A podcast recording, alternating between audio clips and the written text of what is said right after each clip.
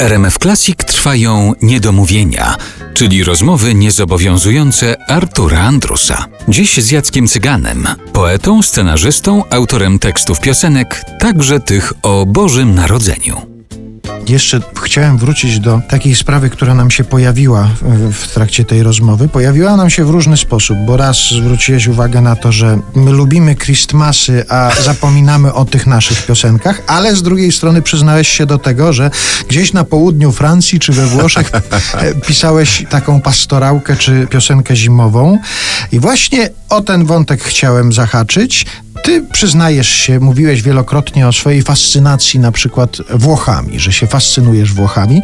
A czy ta fascynacja też rozszerza się na fascynację muzyką, piosenką, czymś takim, w czym ty pracujesz w języku polskim, ale czy się fascynujesz też tamtymi piosenkami?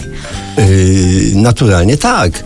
Przykładowo yy, przytoczę w Ligurii mamy przyjaciół, Polka ożeniona z Włochem i oni są bardzo wtopieni w takie środowisko inteligenckie. I jak żeśmy do nich przyjeżdżali, to yy, lekarze, yy, nauczyciele, pracownicy banku, inteligencja liguryjska. I się spotykają 30-40 osób.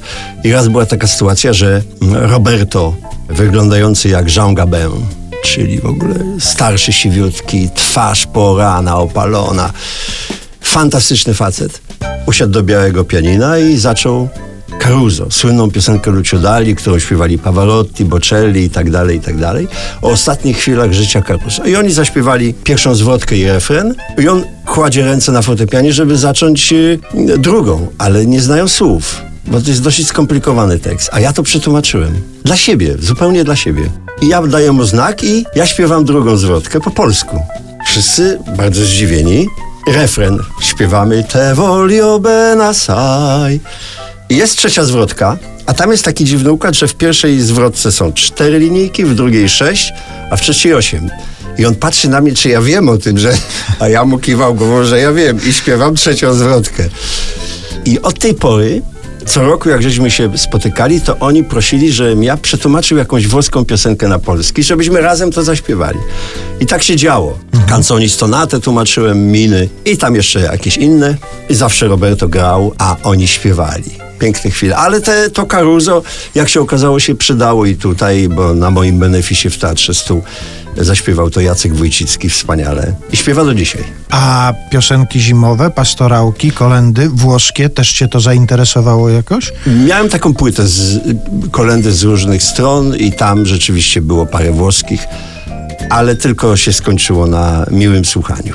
Nie tłumaczyłem. Mhm. Bo te do tłumaczenia muszą być jakieś szczególne, muszą gdzieś tam cię zadrasnąć w środku i, i wtedy to się dzieje. Chociaż w tym wstępie do tej płyty Białanie zwracasz uwagę na to, że tak naprawdę kolendy pochodzą z tamtego rejonu, że one się wywodzą Tak, z ja- tamtych okolic. To było, to było wielkim zaskoczeniem dla mnie, jak ktoś w Rzymie powiedział, że to kolenda się śpiewało na początek roku. To był pogański, czyli ta, e, zwyczaj i układało się takie pieśni w starożytnym Rzymie. A potem chrześcijanie to zaadoptowali i związali to z narodzinami Chrystusa. Ale samo słowo kolenda od tego pochodzi. Stamtąd się wywodzi, a mnie się wydawało, że to nasze jest, że babcia szła zakutana i se kolendę nuciła. Nie- Niosła w koszyczku Chianti.